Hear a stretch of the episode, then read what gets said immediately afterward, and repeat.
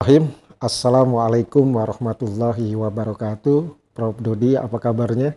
Alhamdulillah baik. Sehat ya, Prof? Alhamdulillah sehat. Ini saya dengar rapat terus ya. Iya, alhamdulillah ini karena kita mikirkan institusi. Gitu. Iya. Terima kasih ini sudah mau hadir di acara podcast Leksi Social Justice. Ini podcast kita buat untuk kita ada perbincangan-perbincangan ini, Ya. khususnya masalah hukum.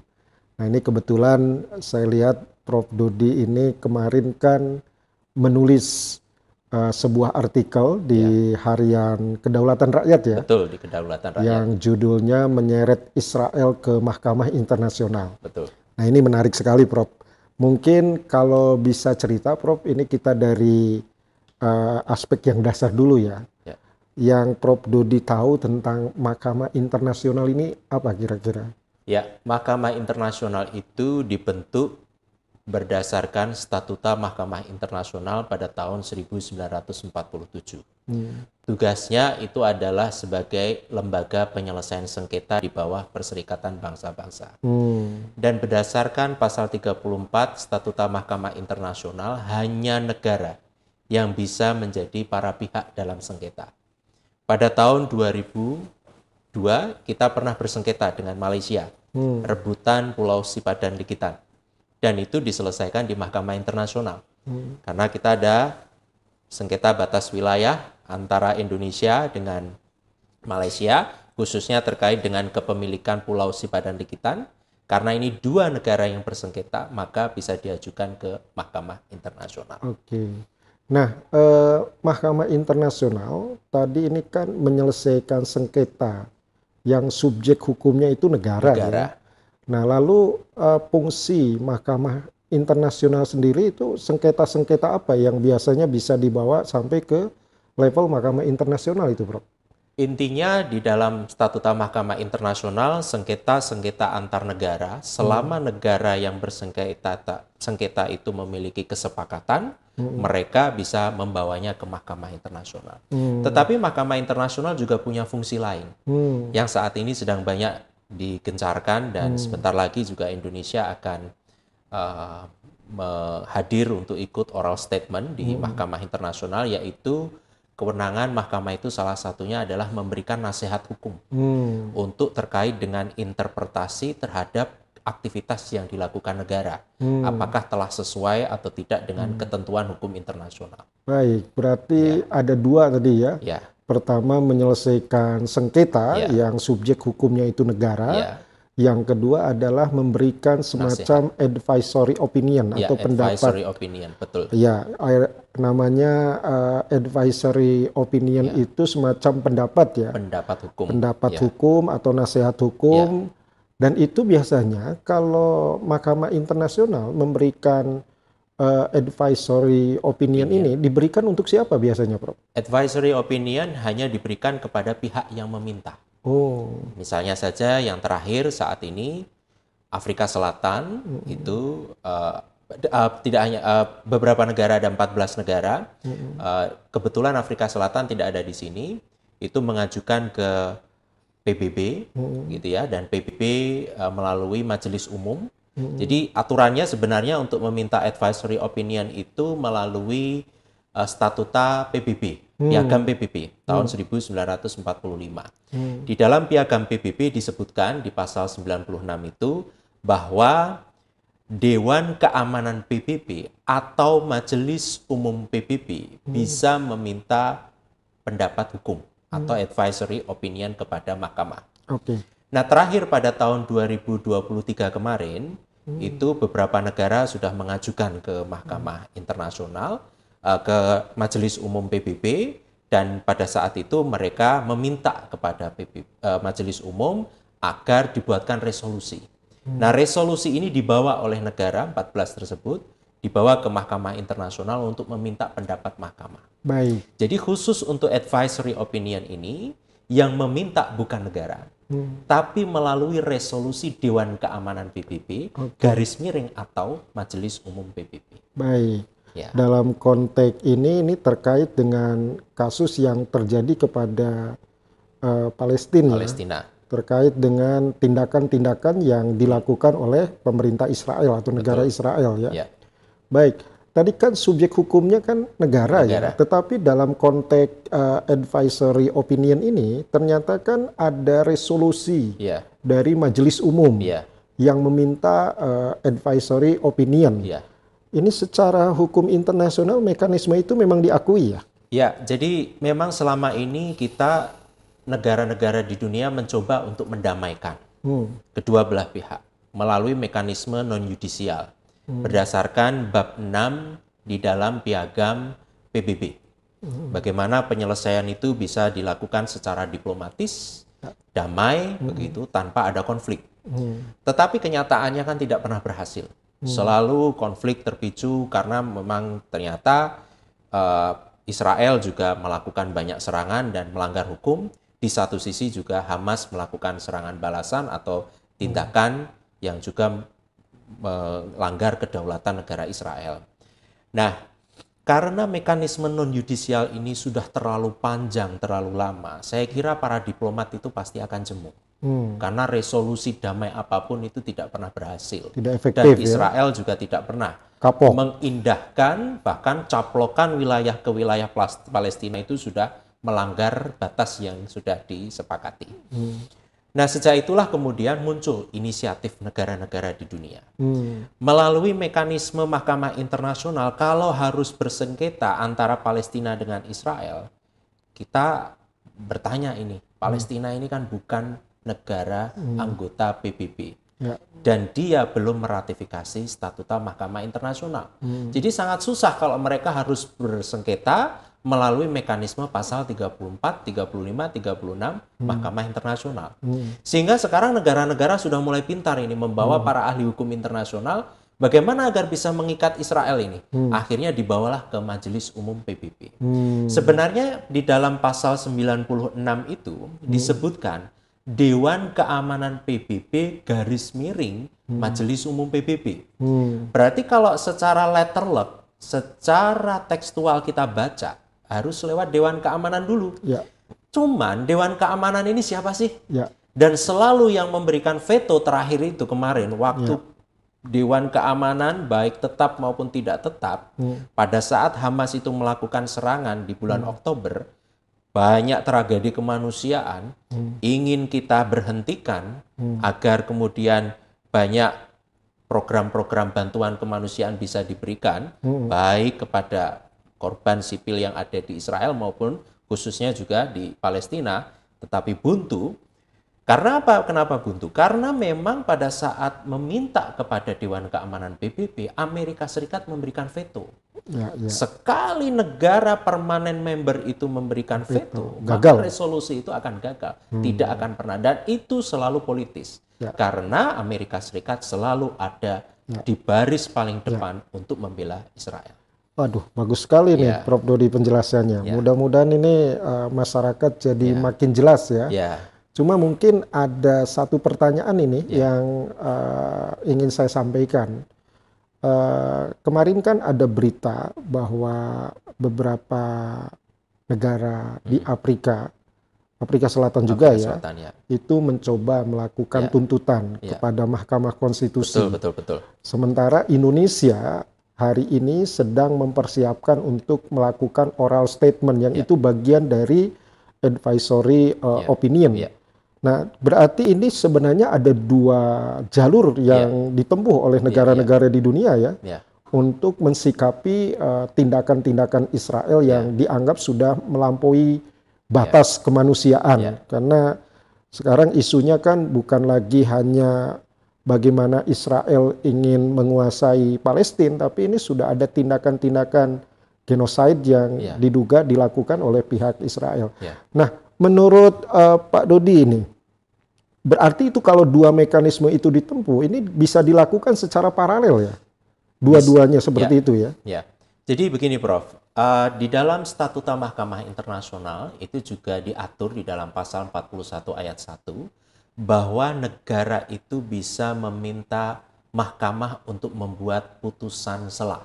Hmm, Istilahnya kalau kita putusan sela, tapi kalau di Mahkamah. Mahkamah Internasional itu istilahnya professional measure. Measure. Hmm. Nah, ini juga bisa dilakukan tanpa harus ada kesepakatan di antara pihak yang bersengketa. Dengan situasi bahwa saat ini tragedi kemanusiaan sudah terjadi. Hmm. 23 ribu masyarakat Palestina itu menjadi korban dan bahkan mereka tewas. Hmm. Ini kalau di dalam ketentuan hukum perang itu ada prinsip proporsionalitas Hmm. bahwa seorang militer dia angkatan bersenjata, angkatan darat, angkatan laut, angkatan udara, ketika mereka melakukan sera- serangan militer itu harus proporsional. Prinsip proporsionalitas itu mewajibkan mereka harus membedakan mana yang harus diserang.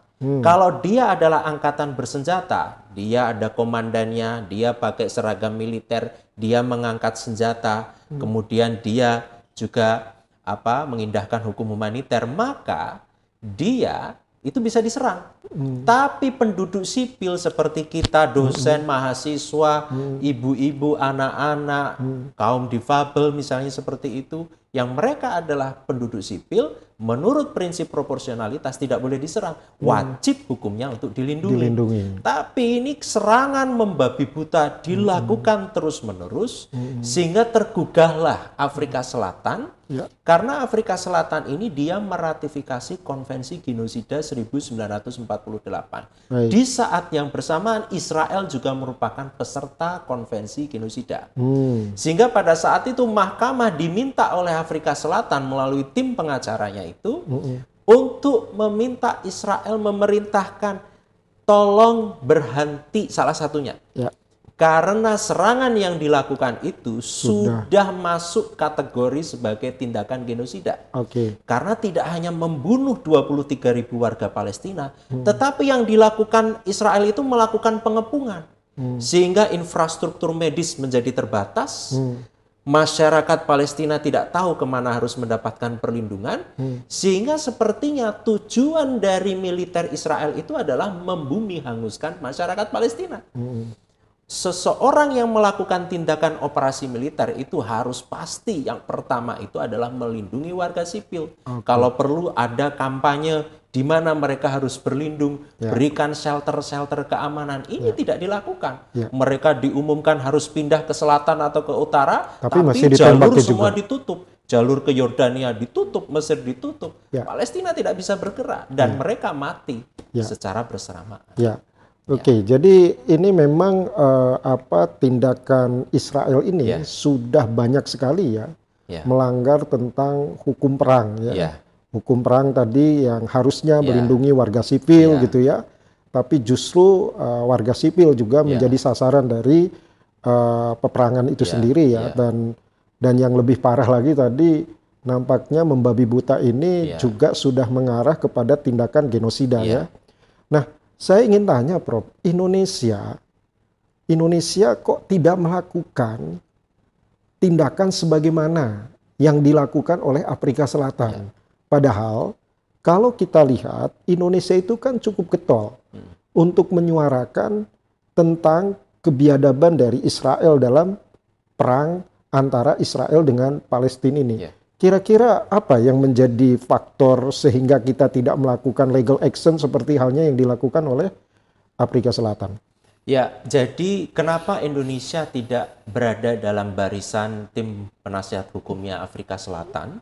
Itu karena salah satu alasan yang paling kuat itu adalah karena Indonesia bukan peserta peratifikasi Konvensi Genosida 1948. Baik. Tetapi Ibu Menteri Luar Negeri beberapa waktu yang lalu pada saat kami diundang dia menyatakan secara politis dan moral Hmm. sekalipun secara hukum tidak tampak Ya. sepertinya mungkin perlu dipikirkan ke depan tim hukum Bu Menlu untuk bisa mendorong pemerintah Masuk di konvensi itu ya. Konvensi Genosida 1948 secara politik dan moral ditegaskan oleh Bu Menteri Luar Negeri Bu Retno bahwa mendukung upaya Afrika Selatan untuk dibawa ke Mahkamah Internasional dan meminta putusan sela.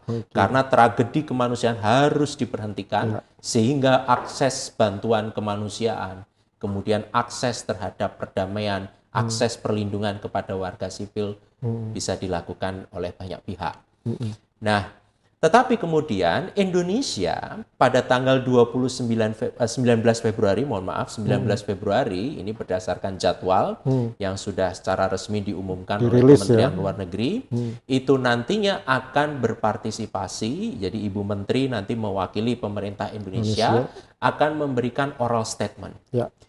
Tapi ini dalam kasus yang lain, kasus di mana beberapa negara melalui majelis umum, resolusi majelis umum Ya. meminta advisory opinion. Ya. Dan Indonesia pada saat tanggal 19 Februari itu akan menyampaikan kira-kira apa saja yang mungkin bisa menjadikan pertimbangan mahkamah sehingga kemudian bisa mengatakan bahwa apa yang dilakukan oleh Israel itu tidak benar sesuai dengan prinsip-prinsip hak asasi manusia, lebih spesifiknya adalah terkait dengan hukum kebiasaan perang. Oke. Jadi sebenarnya tadi komitmen Ya. Indonesia untuk mendukung Palestina itu kuat ya. Ya, Meskipun tidak bisa melakukan seperti halnya yang dilakukan oleh betul. Afrika Selatan ya. Karena tadi belum masuknya Indonesia di dalam ratifikasi konvensi genosida, Genosida. tadi ya. Ya. Tetapi saya kira langkah Bu Menteri mengambil eh, peran di dalam memberikan Oral eh, statement. oral eh, statement ini, kalau menurut Prof Dodi ini kan sudah merupakan langkah ini ya, langkah maju juga yang Betul. dilakukan oleh Indonesia. Mungkin ada tambahan informasi langkah maju ini seperti apa? Alhamdulillah kalau saya melihat dari progres diplomasi selama ini diplomasi itu sudah sering dilakukan bahkan dalam forum-forum pertemuan internasional bahkan setingkat pertemuan Dewan Keamanan PBB juga sudah dilakukan. Tetapi kemudian ha- tahun ini di beberapa tahun terakhir ini kita melihat ada progres membawa kasus konflik Palestina Israel ini yang cukup rumit ini dibawa ke Mahkamah Internasional. Sehingga forum-forum hukum ini sudah mulai tampak sehingga nantinya diharapkan putusan mahkamah itu bisa secara efektif mengingatkan Israel minimal. Bahwa apa yang mereka lakukan itu kelewatan batas. Oke. dan resolusi-resolusi perdamaian itu harus diupayakan dalam waktu sedekat mungkin agar tidak terlalu banyak korban jiwa karena apa yang mereka lakukan itu kalau nantinya putusan mahkamah itu diputuskan itu setara dengan tindakan genosida maka mereka harus berhati-hati. Hmm.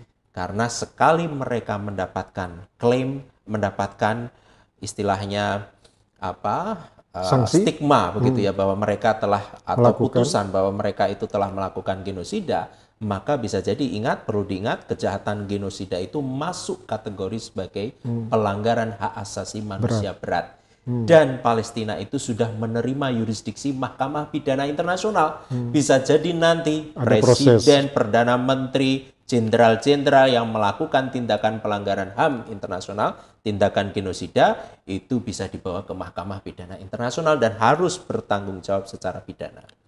Kira-kira seberapa besar kemungkinan itu akan terjadi, eh, Pak Dodi? Ya. Mengingat eh, backup dari Amerika terhadap Israel itu kan sangat kuat sekali. Ya, Saya orang yang eh, sampai hari ini masih Ya. bertanya-tanya, meskipun itu langkah bagus ya, artinya apakah langkah ini akan cukup efektif Ya. memberikan efek jerak ya, kepada Israel yang sekarang sedang melakukan tindakan perang yang membabi buta tadi, Ya. yang brutal tadi.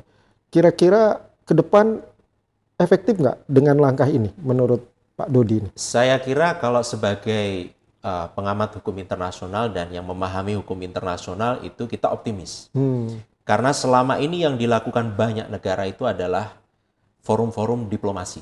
hmm, hmm, hmm. Diplomasi itu politis. Pendekatannya diplomasi ya. Iya, pendekatannya politis dan selalu gagal karena Hmm. terus terang para pihak yang di dalam forum itu yang satu kuat, yang satu lemah. Iya, Begitu. tidak equal gitu nah, ya. tidak equal, tidak setara. Tetapi kemudian di dalam beberapa tahun terakhir ini dibawalah ke forum-forum hukum. Hmm, Hukum ini kalau kita melihat Mahkamah Internasional, Mahkamah Pidana Internasional, ataupun lembaga peradilan yang dibentuk menurut hukum internasional, itu kan harus independen.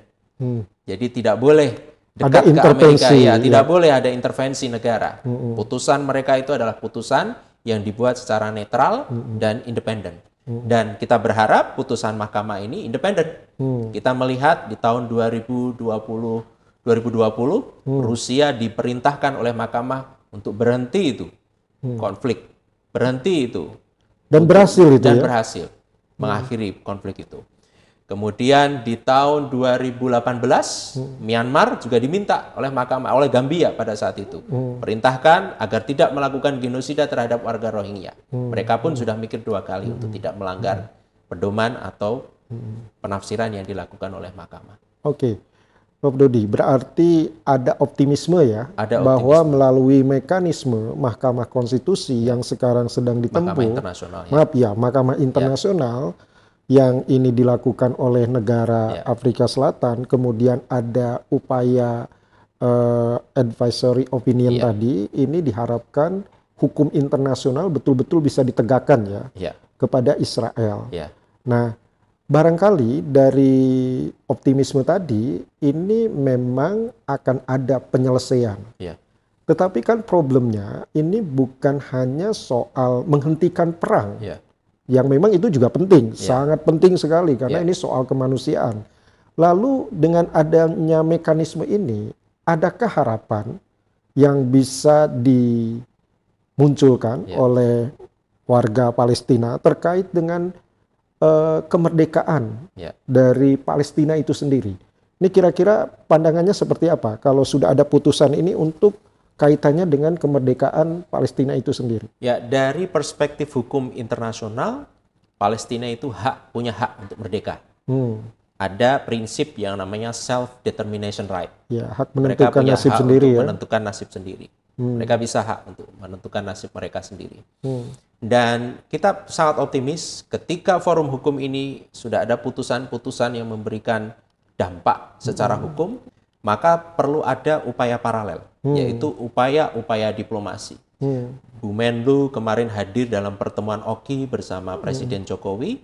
Harapannya nanti diperintahkan dalam forum OKI itu beberapa negara termasuk salah satunya Indonesia kuatkan diplomasi untuk mendukung Palestina sebagai negara yang berdaulat karena sebenarnya Palestina ini kalau dalam melihat dari perspektif hukum internasional yang lain sebenarnya mereka sudah negara dan sudah merdeka iya, karena iya. sudah mendapatkan pengakuan dari banyak negara. Banyak negara ya. Nah, dan perlu ada optimisme untuk mendorong pemerintah Indonesia melakukan diplomasi yang kuat sehingga nantinya batas wilayah yang sudah disepakati itu harus dipatuhi oleh kedua belah negara dan Israel pun juga harus diingatkan ketika melanggar batas wilayah itu dan melakukan pelanggaran hukum dan hak asasi manusia ada konsekuensi hukum nantinya. Ya. Makanya kita dorong Palestina untuk bisa menjadi negara anggota PBB, Ya. dapat meratifikasi statuta Mahkamah Internasional dan mungkin saat ini mereka juga sudah meratifikasi statuta Mahkamah Pidana Internasional. Sehingga nanti kita bisa mendorong adanya upaya-upaya tim pencari fakta. Karena saat ini konflik sudah berlangsung dan di sinilah momen yang tepat untuk mencari fakta-fakta itu. Terutama banyak warga negara Indonesia yang saat ini memberikan bantuan kemanusiaan di sana. Tidak hanya berupa bantuan selimut, tetapi secara diri pribadi mereka menjadi dokter rumah sakit, Jiwa raganya perawat ya. di sana, jiwa raganya mereka Korbankan. bawa ke sana. Di situlah momen yang tepat kita bisa meminta mereka menjadi diplomat kita untuk mencari fakta sehingga nanti kalau ada pelanggaran hukum itu kita bisa juga bawa ke Mahkamah Pidana Internasional. Jadi eh, kalau tadi eh, menjadi sangat penting Palestina diakui sebagai negara di dunia dan kemudian bisa menjadi anggota Ya, dari Perserikatan Bangsa-Bangsa sehingga dia betul-betul eksis ya, sebagai satu negara. Tapi ada satu hal Pak Dodi yang saya masih berpikir ya, karena perdebatannya ini soal batas wilayah negara. ya, Nah, dari sisi perspektif hukum internasional, untuk menentukan batas wilayah negara dengan perang yang sudah lama ini kan banyak versi, banyak pendapat. ya. Mungkin nggak secara hukum internasional tentang batas negara ini diurai untuk ada sebuah solusi yang terbaik bagi Palestina sendiri. Saya juga eh, kalau sekedar diakui sebagai negara mungkin eh, Israel bisa saja, tetapi dari sisi kewilayahan itu belum tentu eh, seperti yang diharapkan oleh warga Palestina. Nah ini dari sisi hukum internasional ada nggak eh, pandangan terkait dengan menentukan batas negara ini seperti apa? Sebenarnya Palestina dan Israel itu sudah memiliki Mm-mm. batas-batas wilayah tersebut dan bahkan itu juga sudah dibawa ke Perserikatan Bangsa-Bangsa. Oke. Hanya saja pasca 1967 Mm-mm. karena Israel ingin melakukan perluasan wilayah, melakukan pendudukan secara ilegal Mm. dan semakin meluas, inilah yang menjadi penyebab kenapa rakyat Palestina itu menjadi berontak. Mm-mm. Nah, itulah mengapa dengan upaya-upaya hukum ini kita ingin mengembalikan status Palestina semula Mm-mm. seperti itu sebagaimana pada kesepakatan-kesepakatan diplomasi terdahulu. Ya, ya. Itulah yang diinginkan oleh banyak negara. Mm, itu yang didorong ya. Ya, karena menghapuskan Israel dari peta negara-negara Timur Tengah itu sangat susah sekali. Tidak mungkin juga. Secara ya. historis mereka punya alasan, secara politis mereka punya alasan, Kekuatan. secara hukum 1917 ada deklarasi Balfour, mereka punya alasan. Sehingga mau tidak mau two state resolution. Ada dua negara di situ, tapi wajib duduk bersampingan dan berdampingan dan kemudian mereka harus mengindahkan kesepakatan-kesepakatan yang sudah dibuat pada masa terdahulu. Secara yuridis membuat kesepakatan itu perlu keterlibatan PBB berarti ya untuk bisa ada win-win solution tadi atau gimana Ya, Pak Dodi? kesepakatan internasional itu bisa dituangkan dalam bentuk perjanjian bilateral. Hmm, dua negara saja. Dua negara sudah cukup. Itu mengikat secara hukum. Ketika ada negara melakukan kesepakatan dengan negara lain dan mereka sudah menyepakati hal-hal yang ada di dalam ketentuan di dalam perjanjian itu, itu insya Allah mengikat fakta sunt servanda. Hampir sama dengan prinsip hukum kontrak. Hanya para pihaknya adalah negara. Ya. Mengapa mereka ada kesepakatan-kesepakatan itu? Karena PBB sebagai forum yang menggerakkan mereka. Oke, jadi ada Dalam fasilitatornya ya. pertemuan-pertemuan, ada fasilitator. Karena bayangan saya kalau hanya diserahkan kepada dua negara yang bersengketa, Ya. ada kemungkinan yang satu itu tidak punya itikat baik Ya, kepada pihak yang lainnya, gitu ya. betul. Dan saya kira yang banyak melanggar itu justru malah Israel kan. Iya. Makanya Ya, di sini harus terjadi. ada peran pihak ketiga Ya. untuk mendorong adanya kesepakatan tadi, Iya. sehingga itu mengikat kepada kedua negara. Iya. Meskipun tadi Pak Dodi mengatakan sebenarnya kan kesepakatan itu sudah ada. Iya. Cuma apakah kesepakatan yang sudah ada kemudian dilanggar oleh Israel itu bisa menjadi kesepakatan baru Iya. di antara Palestina dan Israel gitu ya. Kira-kira peluangnya untuk kembali kepada kesepakatan yang lama itu bagaimana, Pak Dodi? Ya tentu saja kita perlu mendorong. Memang tidak mudah meminta Israel untuk patuh terhadap hukum internasional. Ya, Kita sudah tahu bagaimana karakter dari pimpinan pemerintahan yang ada di Israel. mm-mm. Tentu saja dengan forum-forum yang saat ini sedang diupayakan oleh banyak negara, salah satunya Indonesia dan Afrika Selatan, yang satu melalui mekanisme advisory opinion yang Yang ada di hadapan Mahkamah Internasional, melalui putusan Majelis Umum PBB, resolusi Majelis Umum PBB, dan yang kedua melalui putusan selah diharapkan nanti bisa menjadi salah satu tonggak Ya. untuk mengingatkan mereka kembali kepada Kesepakatan awal, ya. kesepakatan-kesepakatan sebelumnya. Baik. Ya. Ya, saya kira ini eh, diskusi yang menarik, eh, Pak Dodi, luar biasa ya. Ternyata apa yang tadi dijelaskan Pak Dodi tentang penyelesaian eh, sengketa antara Israel dengan Palestina yang sekarang mengkhawatirkan masyarakat di dunia gitu ya. Setidaknya ini sudah ada Ya. titik terang ya. dan semoga ikhtiar yang dilakukan baik oleh Afrika Selatan dengan melakukan tuntutan ke Mahkamah eh, Internasional begitu juga yang dilakukan oleh pemerintah Indonesia melalui Kementerian Luar Negeri khususnya Ibu Menteri eh, lewat apa yang disebut dengan oral statement tadi ini akan membantu penyelesaian yang lebih eh, manusiawi dan sekaligus penyelesaian yang adil. Tentu kita berharap perang ini harus segera bisa dihentikan. Karena pada dasarnya kalau kita ada perang, maka sebenarnya korbannya adalah masyarakat sipil yang tak berdosa terutama Ya. anak-anak bahkan yang cukup menyedihkan di Palestina ini orang sakit aja harus terlibat perang Ya. kira-kira gitu ya. Ya. Terima kasih Pak Dodi Sama-sama. untuk diskusinya. Semoga ini bermanfaat bagi masyarakat di luar sana dan terima kasih kepada semuanya dan mari kita tutup acara podcast kita Leksi Social Justice ini dengan uh, membaca adalah Alhamdulillahirobbilalamin. Terima kasih. Wassalamualaikum warahmatullahi wabarakatuh. Waalaikumsalam warahmatullahi wabarakatuh. Harusnya ada juga ya.